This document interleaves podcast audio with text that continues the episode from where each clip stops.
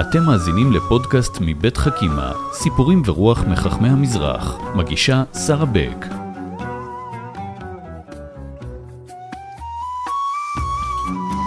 שלום לכם, אה, אנחנו הולכים היום לפגוש את יהדות תימן, ובחצי שעה ננסה להכניס את היהדות המפוארת הזאת על כל ההיסטוריה והמנהגים שלה אה, והדמויות שבה אה, בשיחה עם עורך הדין דוקטור אריאל מלאכי, שלום. שלום וברכה.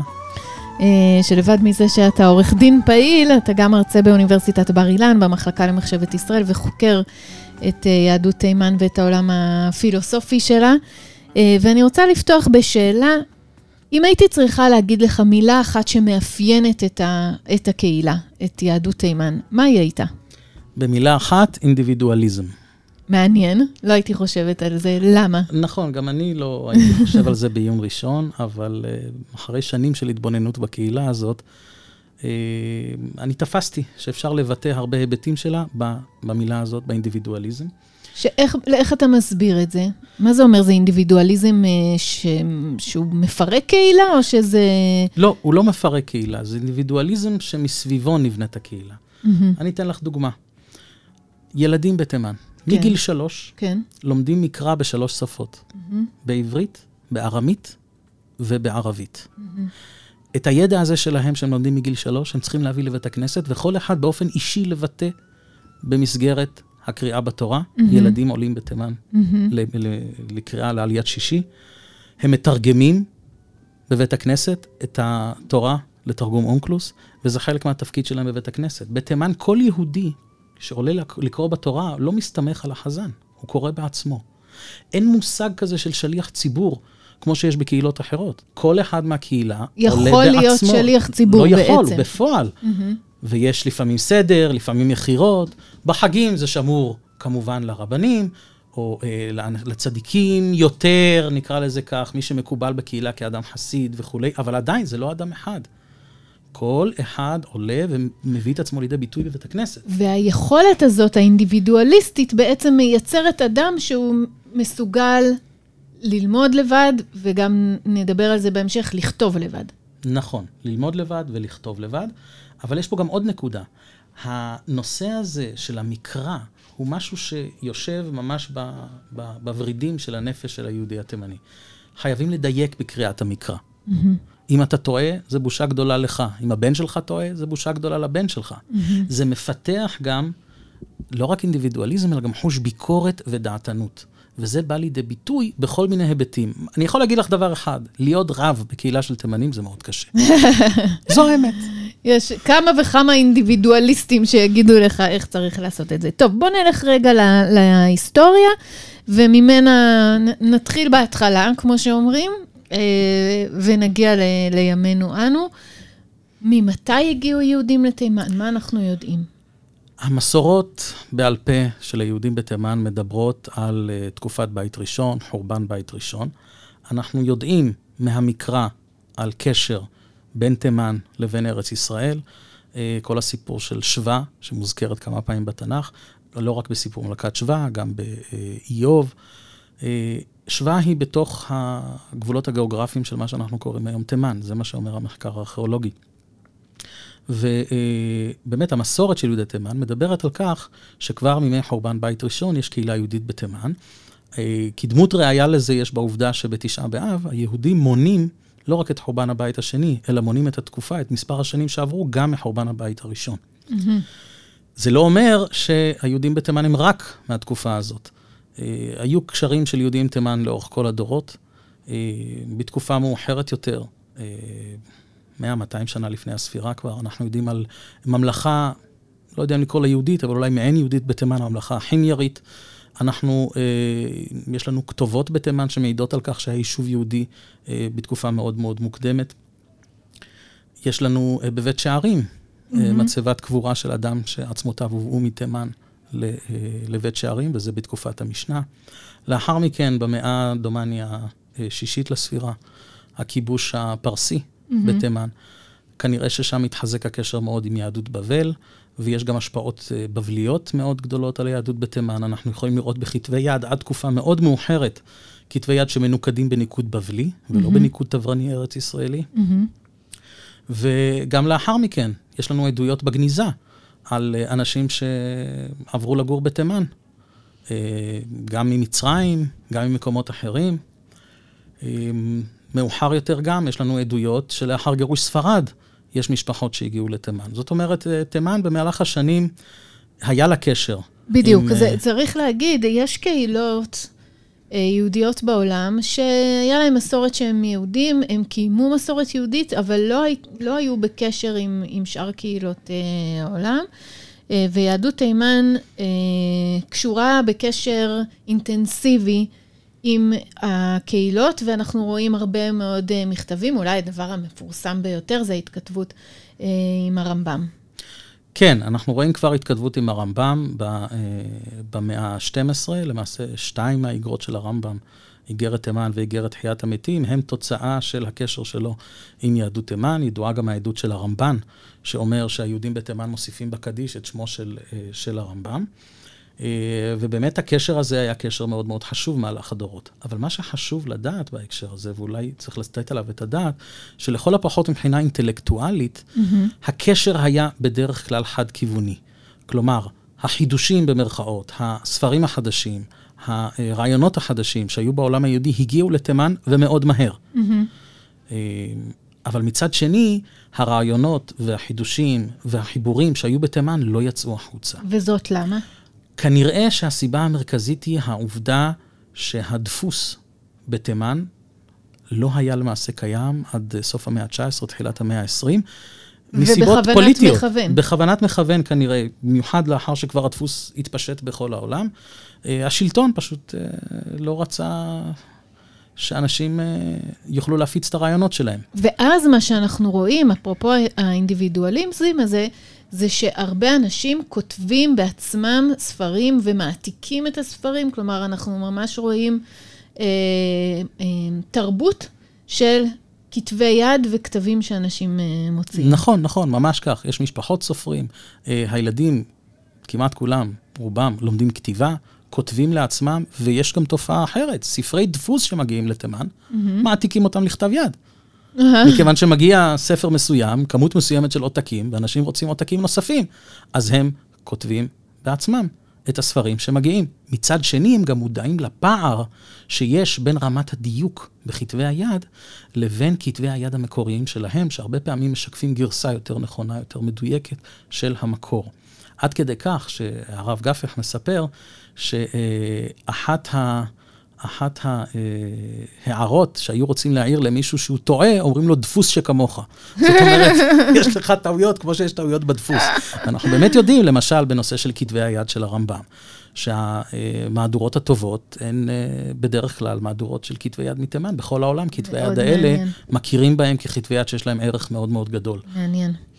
אה, בואו ננסה רגע לדבר על תפיסת אה, עולם, תפיסה רוחנית, תורנית, יהודית.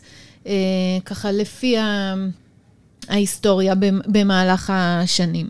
אה, אם התחלנו לדבר על תקופת הרמב"ם, אה, מה אנחנו יכולים להגיד על התפיסה הפילוסופית של יהודי תימן? הרמב"ם היה במאה ה-12. Mm-hmm. כבר לפניו, במאה ה-12, יש לנו הוגה בשם נתנאל ברב פיומי, שכתב חיבור בשם גן השכלים, שהוא חיבור אה, שהוא במהותו יושב על תשתית, לא, אה, תשתית אה, תיאולוגית, פילוסופית, כמו שהיה מקובל בעולם היהודי באותו הזמן וגם בעולם המוסלמי באותו הזמן. זאת אומרת, במובן הזה התפיסה השכלתנית לא באה מהרמב"ם. Mm-hmm. היא, התפיסה של הרמב"ם התאימה כבר כנראה למה שהיה באותה תקופה בקרב יהדות תימן, ובמובן הזה המפעל של הרמב"ם בתחום המחשבה פעל כמו בתחום ההלכה. גם בתחום ההלכה אנחנו יודעים שהיהודים התימנים קיבלו את הרמב"ם, כנראה מכיוון שהוא התאים לעיקר האופן שבו הם היו נוהגים. Mm-hmm. היו מספר דברים שבהם הרמב"ם לא התאים למה שהם נהגו, והם השאירו את מעט המנהגים שלהם. כמו מה? תן דוגמה אחת. כמו למשל, אה, אה, אה, ליל הסדר, Mm-hmm. יש את הפיוט תרומה הבדילה לנו בתוך הקידוש. לפי הרמב"ם זה לא נמצא. מסורת יהודי תימן זה כבר נמצא מתקופת הגאונים, ולכן באמת אה, רוב ככל קהילות היהודים בתימן המשיכו לומר את זה למרות הרמב"ם. יש עוד מספר דברים שהרב גפח באמת מונה אותם ו- ו- ועומד עליהם אה, בדיוק, אבל זה דברים ממש מעטים באופן יחסי. אה, ובאמת התקופה הזאת של התפיסה התיאולוגית, פילוסופית, שכלתנית, אני לא אומר שלא היו בה היבטים גם מיסטיים, אבל מיסטיקה פה בהקשר הזה היא לא קבלה. זו תפיסה שהמשיכה למעשה עד חדירת הקבלה לתימן, עד המהפכה הקבלית בתימן, שהייתה בעצם בסוף המאה ה-15, תחילת המאה ה-16. בואו ניקח דמות אחת שמאפיינת עוד את, הת- את התקופה אה, הקודמת. אם הייתי רוצה לבחור דמות אחת, הייתי בוחר את אה, נתנאל אה, בן ישעיה. נתנאל בן ישעיה זה אה, הוגה בן המאה ה-14, והוא כתב אה, בסוגה שנקראת סוגת המדרש הפילוסופי התימני. לאחר מכן זה הפך להיות המדרש הפילוסופי והקבלי התימני. אבל הסוגה הזאת היא סוגה מאוד חשובה, כי היא בעצם מתארת או, או מביאה לידי ביטוי, אם אפשר לומר כך, את הנפש של היהודי התימני. הנפש של היהודי התימני שהוא קשור מאוד למקרא, הוא מתחיל במקרא, הוא מסיים במקרא, ועל המקרא הוא בונה גם עולם הלכתי, גם עולם מחשבתי. אתה חושב שיחסית לקהילות אחרות, שאני בטוחה שאתה גם אה, מכיר היסטוריה של קהילות אחרות, אה, קהילת תימן הייתה יותר אוריינית, יותר מחויבת גם לקריאה וגם לכתיבה וגם, כמו שאתה אומר, למקרא? אני חושב שהיא הייתה הרבה יותר מוכוונת טקסט. אני, אה, מבחינת רמת האוריינות בקהילות אחרות, קטונתי מלהתייחס. אה, אבל הרמה הבסיסית, בואי נאמר כך, ברמה הבסיסית של ידיעת מקרא, אה, היכולת לקרוא עברית ולדבר למעשה בעברית, לשוחח למעשה בעברית, זו יכולת שאני חושב שבתימן הייתה, וכנראה בקהילות אחרות ברמה פחותה יותר. אה, אני לא אומר שמבחינת אה, אה, תלמידי חכמים וכולי, אנחנו ב- יכולים לומר שהיהודי התימני הסטנדרטי היה ברמה גבוהה יותר מאשר תלמידי חכמים אחרים. אני לא אומר זאת. אבל העובדה היא שכל יהודי, אה, איפה שלא יהיה, באופן עקרוני, מגיל שלוש, לומד לקרוא, לומד את השפה העברית, אה, ואמור לקרוא בצורה נכונה ומדויקת, לומד מדרש, לומד מקרא, לומד משנה. לא כולם הגיעו לתלמוד, כן. אין ספק. אבל השכלה בסיסית יהודית בהקשר הזה הייתה מאוד רחבה. נחזור לנתנאל בן אה, ישעיה, אתה אומר מחצית המאה ה-14, שמביא את הנפש אולי של יהודי תימן. מה אה, מיוחד ומה גילית עליו? תראי, מצד אחד, אה, אוהבים לומר על סוגת המדרש הפילוסופי התימני, שהוא כנראה המייסד שלה, שהיא מאוד לקטנית. כלומר, היא אוספת מקורות ממקורות שונים, ושעיקר החשיבות שלה הוא בכך שהיא משמרת לנו מסורות שלא נשמרו בעדות אחרות, בעדות ישראל אחרות, ואנחנו כתוצאה מכך יכולים באמת למצוא מציאות ולהבין כל מיני, למשל, רמב"מים סתומים וכולי. אבל מצד שני, יש פה גם הרבה מעבר לכך. החיבור הזה נכתב בעברית ובערבית. בכל מקום שבו הביא רבי נתנאל מדרשים, בין אם זה מדרשי הלכה או מדרשי אגדה, שהוא רצה להוסיף בהם איזשהו תוכן משלו, הוא היה כותב בערבית יהודית. כן. ושם אנחנו רואים את המקוריות שלו. הדוגמה הכי קלאסית לכך היא במקום שבו אה, אותו נתנאל בשעיה רוצה לבאר פסוק מסוים, והוא מבאר אותו בהתאם לאיזשהו ביאור של הרמב"ם, אבל בשונה מאותו ביאור. מה הכוונה? הרמב"ם דיבר בפרקים הלקסיקוגרפיים שלו על מה זה אכילה ושתייה, והוא אומר, יש שלוש אפשרויות, או אכילה ושתייה ממש, או אכילה ושתייה כמשל לדברי תורה, וכולי וכולי, לא ניכנס לזה. וכשהוא בא לבאר פסוק מסוים, שהרמב"ם באר את, באר את הפסוק הזה משמעות אחת, הוא בא ואמר, אני מבאר את הפסוק משמעות אחרת. Mm-hmm. הרמב"ם הזכיר את המשמעות הזאת, אבל הרמב"ם לא בחר אותה בהקשר של הפסוק הזה. Mm-hmm. הוא ראה חופש לעצמו לקבל את המתודה של הרמב"ם, את הקריאה הזאת של הפסוק שלא כפשוטו במקרה הזה, שיכולה לקרות כן. בכל מיני מקרים אחרים, אבל מבחינת, מבחינה עניינית, הוא קרא את זה אחרת ממה שהרמב"ם קרא. אז אחרי הלמדנות המובהקת אה, של אה, מאה ה-14, 15, אנחנו, אמרת שאנחנו מגיעים למהפכת הקבלה של המאה ה-16-17. מה זה אומר, והאם יש מישהו בעיניך שמייצג את המהפכה הזו? אמ, בשלב הזה המהפכה רק מתחילה, במאות ה-16 וה-17. באיזה מובן? במובן זה שהקבלה מגיעה לתימן ומתחילה לתפוס מקום שיטתי בהגות של היהודים בתימן. Mm-hmm. אבל עדיין המהפכה לא הושלמה. אם אנחנו רואים גם בתחילת התקופה וגם בסוף התקופה, שתי הדמויות שנמצאות במיינסטרים של המחשבה היהודית בתימן, שאחת זה רבי זכריה הדהרי שחיבר את ספר המוסר והגיע גם לארץ, ביקר בצפת, ויש לנו תיעוד מביקור שלו בישיבתו של, של רבי יוסף קארו בצפת. הוא כתב מדרש פילוסופי באותה סוגה שכתב נתנאל בן ישעיה, רק אצלו המדרש הפך להיות פילוסופי וקבלי. זאת אומרת, הוא השתמש שילב. בשני מקורות הידע האלה, מבלי לראות איזושהי זרות ביניהם, או תחושה של סתירה ביניהם, שניהם לגיטימיים. אותו דבר בסוף התקופה, רבי שלם שבזי. גם הוא כתב מדרש בשם חמדת ימים, וגם אצלו יש שילוב של פילוסופיה וקבלה. גם אצלו אפשר לראות בעמוד אחד, באותו עמוד, גם את מורה נבוכים וגם מובאות מספר הזוהר, בהקשר של פירושים שונים לפסוק כזה או אחר. קראת אה, בשיחה המקדימה שעשינו לרבי שלום שבזי נשמה של היהודי אה, תימן. כן, למה? כן, נכון. אתה אומר שלום... שאם נתנאל בן ישעיה היה נפש, הוא נשמה, למה? נכון, אני אגיד. נתנאל בן ישעיה היה נפש במובן הזה שהחיבור שלו, אותו מדרש פילוסופי, יושב על הגות, הלכה ומחשבה בזיקה למקרא. נכון שגם רבי שלם שבזי כתב אה, אה, מדרש כזה. אבל אה, עם כל הכבוד למדרש ששבזי כתב, הוא לא השפיע ולו אה, אה, אה, מאית מההשפעה שהשירים שלו השפיעו. Mm-hmm. השירים של שבזי, הם הפכו להיות נכס צאן ברזל של כל יהודי ויהודי בתימן. בכל שבת, בכל אירוע, בכל מקום, הדיוואן, אוסף השירים, שעיקרו השירים של שבזי, שבזי כתב מאות שירים, ויכול להיות שאפילו איתרו כבר למעלה מאלף, יכול להיות. העיקר של הדיוואן הוא שבזי. וכל מקום שאותו יהודי בגלות לא פשוטה בכלל, רצה להתעלות קצת מעל ה... אה, אה, איך נקרא לזה? הבאסה של כל השבוע, כן. כן? כשהוא היה צריך לצאת משם, הוא היה יוצא דרך שבזי. וזה בעצם הנשמה של היהודי התימני. הכיסופים לארץ ישראל, גלות וגאולה, תורה וכולי וכולי, שירת הקודש של שבזי. פה צריך גם להזכיר דבר מאוד חשוב בהקשר הזה. אה, שירת יהודי תימן מתחלקת לשניים. Mm-hmm. שירת קודש, שהיא שירת גברים, כן. אבל יש לנו גם שירת נשים, מאוד מאוד חשובה. שגם היא כתובה? שירת, שירת הנשים עברה בעל פה, mm-hmm. חלק ממנה נכתב פה mm-hmm. בארץ. היא עברה בעיקר בעל פה, נשים לא למדו לכתוב. בתימן. אבל כשהגיעו לארץ, היו כבר אנשים שתיעדו, ויש לנו אוספים של, uh, שירי, uh, של שירת נשים. זו שירת חול, שירת אהבה, שירה על הנושאים של היום-יום. היא מאוד מאוד מעניינת, ויש לה uh, מקום בפני עצמה במסגרת השירה של יהודי תימן, מעניין. מקום חשוב מאוד. מעניין.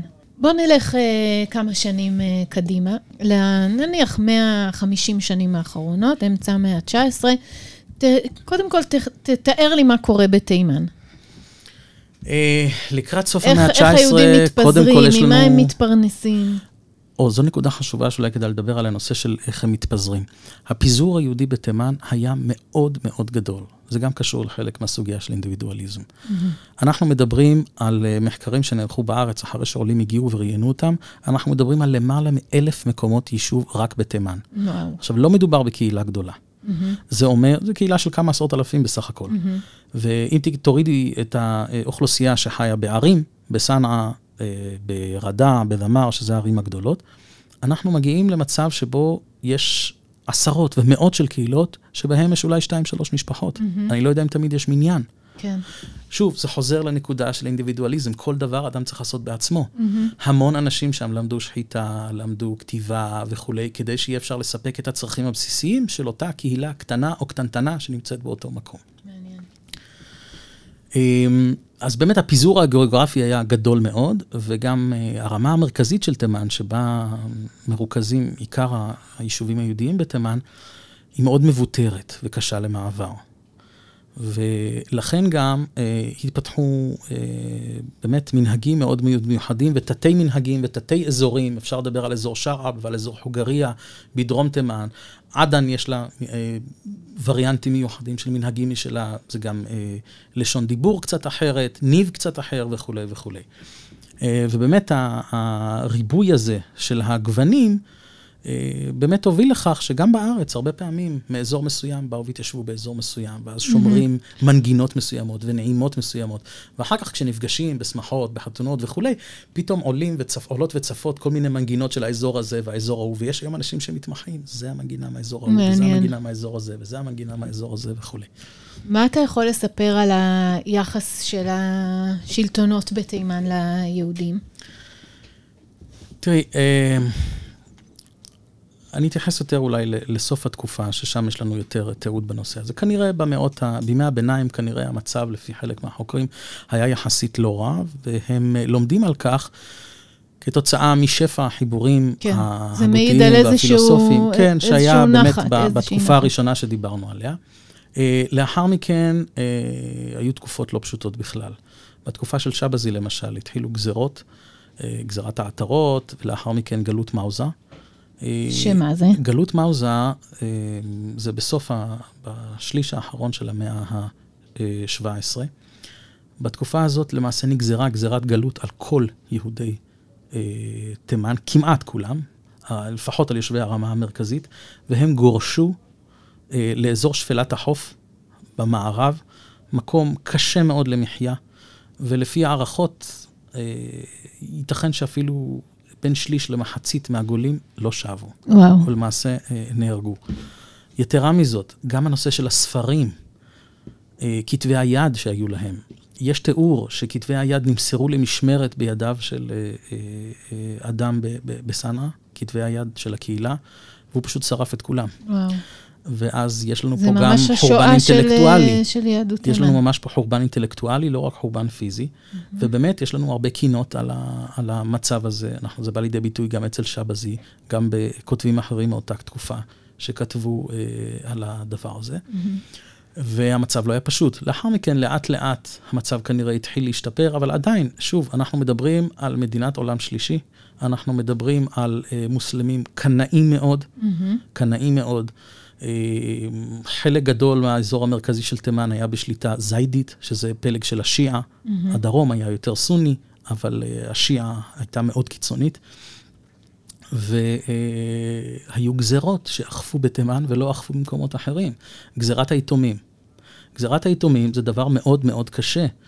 כאשר ילד נולד והוא מתייתם מהוריו, האסלאם פורס עליו את חסותו ומסלימים mm. אותו בכוח. וואו. וזה נחשב אצלם מצווה גדולה, והם עמדו עליה. וואו. וניסו לעשות אותה. אני אתן לכם דוגמה, הסבא רבא שלי, כן. שהיה למעשה אה, נציג היהודים בעיר דמר, היה אה, מבריח, מפקח לברחת יתומים מסנעה אה, לאזור עדן. וכתוצאה מכך הוא נכלא, ואחרי ארבע שנים מת כתוצאה מהכליאה שלו בעניין הזה. והיו יתומים שהם הצליחו לתפוס ולאסלם. זו גזירה קשה מאוד. נכון.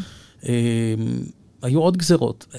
לדוגמה, יהודי עובר בדרך על חמור. אם הוא mm-hmm. רואה מוסלמי על חמור, הוא צריך לרדת מן החמור, הוא לא יכול mm-hmm. להמשיך אה, אה, ולרכב על החמור. יש עוד דוגמאות, אבל גזירות ההשפלה האלה, עוד איכשהו היה אפשר לחיות איתם. כי לפחות בתקופה האחרונה, הטענה של היהודים הייתה שהאימאם היה דווקא בסדר, וניסה איכשהו ל- לרכך את הכללים הפורמליים הקשוחים האלה בכל מיני אמצעים כאלה ואחרים. למשל, נישואים. ברגע שאותו יתום נישא, אזי כבר הוא, הוא נחשב לחזור. גדול, הוא נחשב גדול והאסלאם לא צריך לאסלם אותו. Mm-hmm. ולכן באמת אנחנו רואים תופעות של נישואים בגיל של, מוקדם. בגיל מוקדם מאוד, במיוחד בהקשרים האלה, של mm. יתומים וכולי. Uh, טוב, נלך uh, באמת uh, כבר למאה ה-20, uh, סוף המאה ה-19, מתחילה עלייה uh, מתימן לישראל. איך זה מתעורר, מה קורה, ויש דמות אחת מיוחדת שאתה רוצה לדבר עליה. אוקיי. Okay. Uh, קודם כל, העלייה התחילה ב-1881 כעלייה מסודרת. אה, זה למעשה עלייה לפני הבילויים. Mm-hmm. ואנחנו מכירים את כל הסיפורים על הקשיים שלהם בארץ, קשיי התאקלמות, בהתחלה גם בירושלים בכלל, אה, איזה מין יהודים אלה, לא ידעו איך לאכול אותם בכלל. הם הלכו אה, מחוץ בעצם והם היו בעצם בסילואן. מחוץ לחומות, בסילואן, נכון? ולא היה פשוט. לאחר מכן היהודים המשיכו והמשיכו לעלות לארץ. אה, במהלך, אה, במהלך התקופה, גם לפני מלחמת העולם הראשונה, גם לאחר מכן המשיכו עליות. ולמעשה אפשר לומר שכמעט בכל מושבה הייתה שכונה של תימנים. אה, כאשר הרב קוק עושה את מסע המושבות, למשל, ומגיעים, נדמה לי, לזיכרון, כן. אה, היה שם איזושהי מחלוקת לגבי הנושא של מיקום התיבה בבית הכנסת. כי בבית הכנסת של המושבה, האדריכל תכנן את זה בסגנון רפורמי או משהו כזה. אוקיי. והם לא רצו להתפלל שם, אהה, אז הלכו להתפלל אצל התימנים. כן. כן, זה היה המצב. ובאמת, אם אנחנו רואים היום, תלכו לכל המושבות, אנחנו רואים שיש שכונות אה, של יהודי תימן בכל אחת המושבות האלה. בפתח תקווה, ברחובות, בזיכרון, בכל מקום כזה. והעלייה מתישהו נעצרה, וכבר אי אפשר היה לעלות. העלייה, אה, שוב, היה קשה מאוד אה, בשלב מסוים לעלות. אדם שעלה, למעשה איבד את הרכוש שלו, כן. ובסופו של דבר העלייה, לדעתי, אם אני זוכר נכון, נעצרה בסביבות שנת 50. כן. לאחר קום המדינה, האחרונים שעלו זה בשנות ה-50, והיו עוד uh, מהקהילה שנשארו. לאחר מכן הייתה עוד עלייה קצת בשנות ה-60, בשנות ה-90, והיום אנחנו במצב שבו למעשה כמעט ואין יהודים בתימן. כמה יהודים יש היום בתימן? בודדים כרגע. המשפחות האחרונות אה, הועברו, לפי ה, לפחות לפי מה שראיתי בתקשורת, אה, לאבו דאבי, Mm, כן, לאחרונה, ונמצאות שם. וכך בעצם התחסלה אה, היהדות בתימן. כן, אה, הבנתי גם שיש איזשהי קשר לחסידות אה, תולדות אהרון, שניסו ככה כן. אה, גם להוציא אותם וגם להשפיע עליהם, על ניסו האחרונים, להוציא אותם האחרונים ולהשפיע עליהם. כן, נגיד ב-20-30 כן, שנה האחרונות. כן, וחלק מהם באמת עבר לארה"ב. כן. כן. טוב, אז נחזור, אה, מי הדמות שאתה לוקח ככה מהמאה ה-20, יהדות תימן? אני חושב שאין ספק שהדמות שצריך לקחת אה, מהמאה ה-20 היא הדמות של הרב יוסף גפח, ו... וכשאומרים הרב יוסף גפח, גם אומרים אשתו, הרבנית ברכה. כן, אתה חלק, אומר אה, גפח ולא קפח. נכון, קפח זה בעצם... אה, אה, ישראליזציה? ישראליזציה של השם, כן, כי בתימן את האות קוף, גם היהודים וגם הערבים דרך אגב, כן, הוגים אה, במבטא של ג', חוץ מאזורים בדרום תימן שהוגים את זה qa, כמו אצל העיראקים, למשל. קפח. אז זה קאפח. לצורך העניין. המילה קאפח זה מילה ערבית פשוט. אה, אבל באמת? למה הוא? אה, אני אשתמש אולי בביטוי שנאמר על אה, ריהל באחד מכתבי הגניזה. כאשר ריהל ממצרים, הגיע מספרד למצרים, שלחו להם מכתבים, תדעו לכם, אנחנו שולחים עליכם את תמצית ארצנו ומשמעותה. ככה נכתב באיגרת. זאת אומרת, תתארו לכם את, אה, את אה, הנציגים של תור הזהב בספרד אומרים, זה, זה המודל האדם." שלנו, זה האדם. ובאמת, פה אנחנו רואים את האדם. האדם הזה התעסק בכל מה שיהודי מתעסק בו. אה, נזכיר דבר אחד שהוא חשוב גם להקשר האינדיבידואליסטי. הרבנים בתימן לא חיו על קצבה של הציבור. לא היו ישיבות, לא הייתה שכבת כלי קודש, הם עבדו לפרנסתם. גם הרב הכי גדול היה צריך להתפרנס ממשהו, מאיזשהו מקצוע. הרב גפח היה צורף. ובאמת, יש תיאורים איכשהו באים לראות מה הוא עשה, והוא באמת התגאה בעבודה האומנותית שלו גם. כן, זה דבר מאוד מעניין. נכון. נקודה נוספת, הוא נולד יתום. גם לגביו, חותן גם אותו כמעט צעיר. אסלמו. כן, הוא גם חותן בגיל צעיר. והוא למד תחת סבו, הרב אה, יחיא גפח, שבעצם חולל את ה... נקרא לזה האסכולה הדרדאית בתימן. לא אמרנו על זה שום עוד דבר, לא אבל צריך אמרנו, להגיד כן, משהו. כן. תכף, כן. אמ, הוא למד אצלו, עלה ארצה, דומני ב-1943, מונה אחר כך להיות דיין בבית הדין הרבני האזורי, אחר כך בית הדין הרבני הגדול, והוא כתב למעשה כמעט בכל תחומי היהדות. הלכה, השקפה. גאון. כן, באמת, אה, איש אשכולות. יותר מזה, אולי לא כל כך יודעים מחוץ לקהילה התימנית, אבל הוא כתב ספר אתנוגרפי שהוא אולי הספר הטוב ביותר שנכתב על איזושהי קהילה יהודית. מעניין. יש לו ספר שנקרא הליכות תימן, שהוא שם מתאר את החיים היהודיים בתימן מאלף ועד תו. נכון, הוא אומר בצדק, זה היהדות של צנעא ובנותיה, כלומר הערים המרכזיות בתימן. והוא אומר, מי ייתן לנו מישהו שלפחות יוכל לתאר לנו את ההוואי בכפרים, שהוא אחר לגמרי. כן. יש בו הרבה שוני. היה מישהו שהרים את הכפפה? עדיין לא, יש פה ושם, והעניין הוא שאין לנו כבר הרבה את מי לשאול. אז uh, לפני שאנחנו נגיע למנהג מיוחד שאתה רוצה לספר לנו על uh, uh, הקהילה התימנית, תס, תסכם ככה על אה, הרב קפח, גפח, כמו ש... הרב גפח, תראו, זו תופעה גפח. מאוד מאוד מיוחדת. זאת אומרת, הוא הצטיין בהמון המון תחומים בכל אחד בנפרד, וכל שכן בכולם יחד.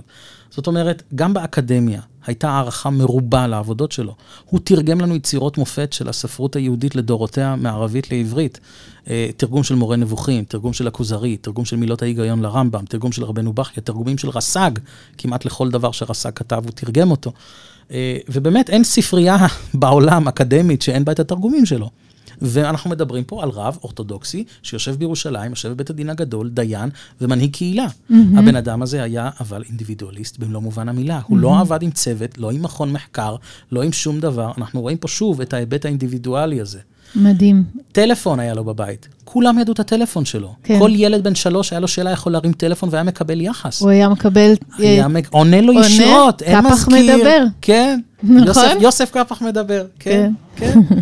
אז, אז זאת אומרת, צריך להבין את הדבר הזה. זו תופעה באמת שהיא, יש בה איזשהו מיצוי של כן. אותם אה, אה, שנים. הוא כתב, יש לנו למד גם בחכימה קבלה. כמה סיפורים כן. שמספ... שבאמת אפשר לראות איך הוא גם מלמד ילד לקרוא בתורה, שזה כאילו משהו שיכול לעשות כל אחד שכבר אה, שלמד, ועד באמת המפעלים האדירים שלו, זה באמת אה, דמות מאוד מאוד אה, מיוחדת, שאגב זכה להכרה גם בחייו נכון, גדולה. נכון, וגם, קיבל וגם, פרס ישראל. וגם אשתו כמובן. כן. שוב, זה הצד השני של אותה קהילה שמבוססת מאינדיבידואליסטים. גם המפעל שלה, תשימי לב, זה מפעל של אה, לא אישה שאלה אף אחת, לא עשתה שאלה הכל, אף אחת, עשתה הכל. ובסופו של דבר, היא פעלה במסגרת הקהילה. זאת אומרת, כן. אינדיבידואליזם במסגרת הקהילה, יש לנו פה את הסגירת המעגל הזאת, אה, מקסים. למעשה בכל ההקשר. אז בוא, בוא באמת, אה, אי אפשר בלי לדבר על הדרדאים והעיקשים, נכון? כן, אמרתי נכון? נכון? נכון, אמרת נכון. כן, אלה הכינויים שניתנו להם. העניין פה הוא כזה, דיברנו על התקופות בהגות היהודית בתימן. התקופה הראשונה, שהיא התקופה הפילוסופית והתיאולוגית, התקופה השנייה, שהיא תקופה של המהפכה הקבלית. המהפכה הקבלית למעשה הושלמה בתחילת המאה ה-18. ושם הגיעו להכרה שיש תהום שפעורה בין הפילוסופיה לבין הקבלה. ואי אפשר לגשר ביניהם. ואם אתה פילוסוף, אתה לא יכול להיות מקובל, ולהפך. זו הייתה התפיסה. במובן הזה, המפעל של הדרדאים לא שינה שום דבר.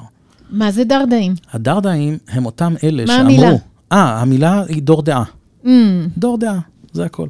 והשיבוש שלה הוא... אה, דרדאים. דרדאים, כן. אה, המן וחלקול ודרדה וכולי, יש לנו את זה גם בתנ"ך. מה שקרה זה שניצני המילה ההשכלה? הגיעו לת... אי קשים זה בא לבטא אה, עקשנות. עקשנות. כן, בא לבטא עקשנות. העקשנים כן. והדורדה. אבל זו תכונה. שמשותפת לכולם, זה לא- לא רק לאי קשים. כן, אמרנו, דעתנים, אינדיבידואליסטים וכולי. אז זה בעצם אה, בעד הקבלה, אפשר להגיד? בגדול, בגדול, כן, אבל זה לא רק הקבלה כשיטת מחשבה, זה גם הנושא של החזרה למנהגי תימן הקדומים שהושפעו בעקבות הקבלה. זה גם נוסח תפילה, זה גם תפיסה פילוסופית, זה גם הלכתית, זה גם נוסח וכולי. זה כל הדברים האלה יחד, ובעצם זה איזשהו סוג של חזרה מבחינתם לרמב"ם. וזה תהליך שכנראה התחיל עם הגעת ההשכלה לתימן. זה בעצם בעד קבלה ונגד קבלה, נכון? בגדול כן, אבל לא רק. זאת אומרת, הם המשיכו מבחינה עקרונית את התפיסה שיש פער בין פילוסופיה לבין קבלה, אבל הם פשוט בחרו בצד של הפילוסופיה ולא בצד של הקבלה. מבחינתם זה בא לידי ביטוי לא רק בהשקפה, אלא בעצם בחזרה, מבחינתם, אה, ליהדות. מבחינת הדרדאים. מבחינת הדרדאים. חזרה למנהגי תימן הקדומים, אלה שמבוססים על הרמב"ם, גם בהשקפה וגם בהלכה, גם בנוסח התפילה וכולי. אם אנחנו רוצים לדבר על איזה מנהג אחד, בואו נדבר על המנהג של הכלי המפואר, הלא הוא הפח. הפח, כן?